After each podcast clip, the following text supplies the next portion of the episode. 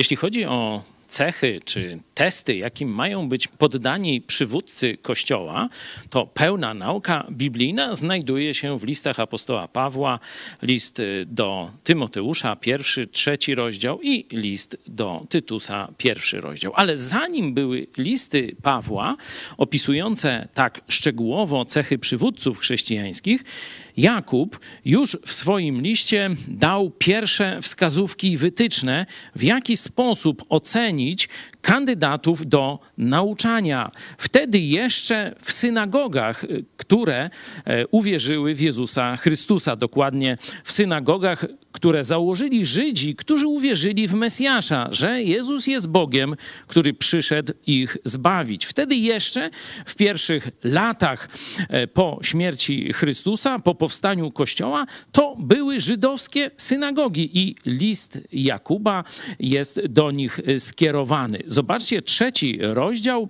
Oczywiście już też używa Jakub zarówno słowa synagoga na określenie tych społeczności, jak i kościół. I w trzecim rozdziale daje taką oto wskazówkę.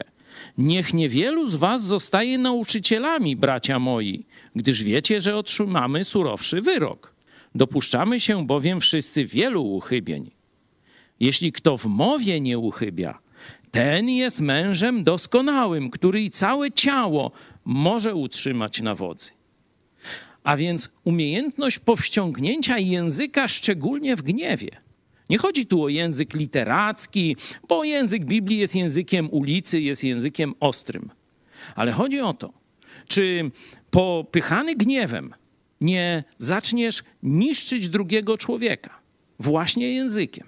To jest test, jakiemu powinniśmy poddawać kandydatów na to, by zostali przywódcami w kościele, by nauczali w kościele.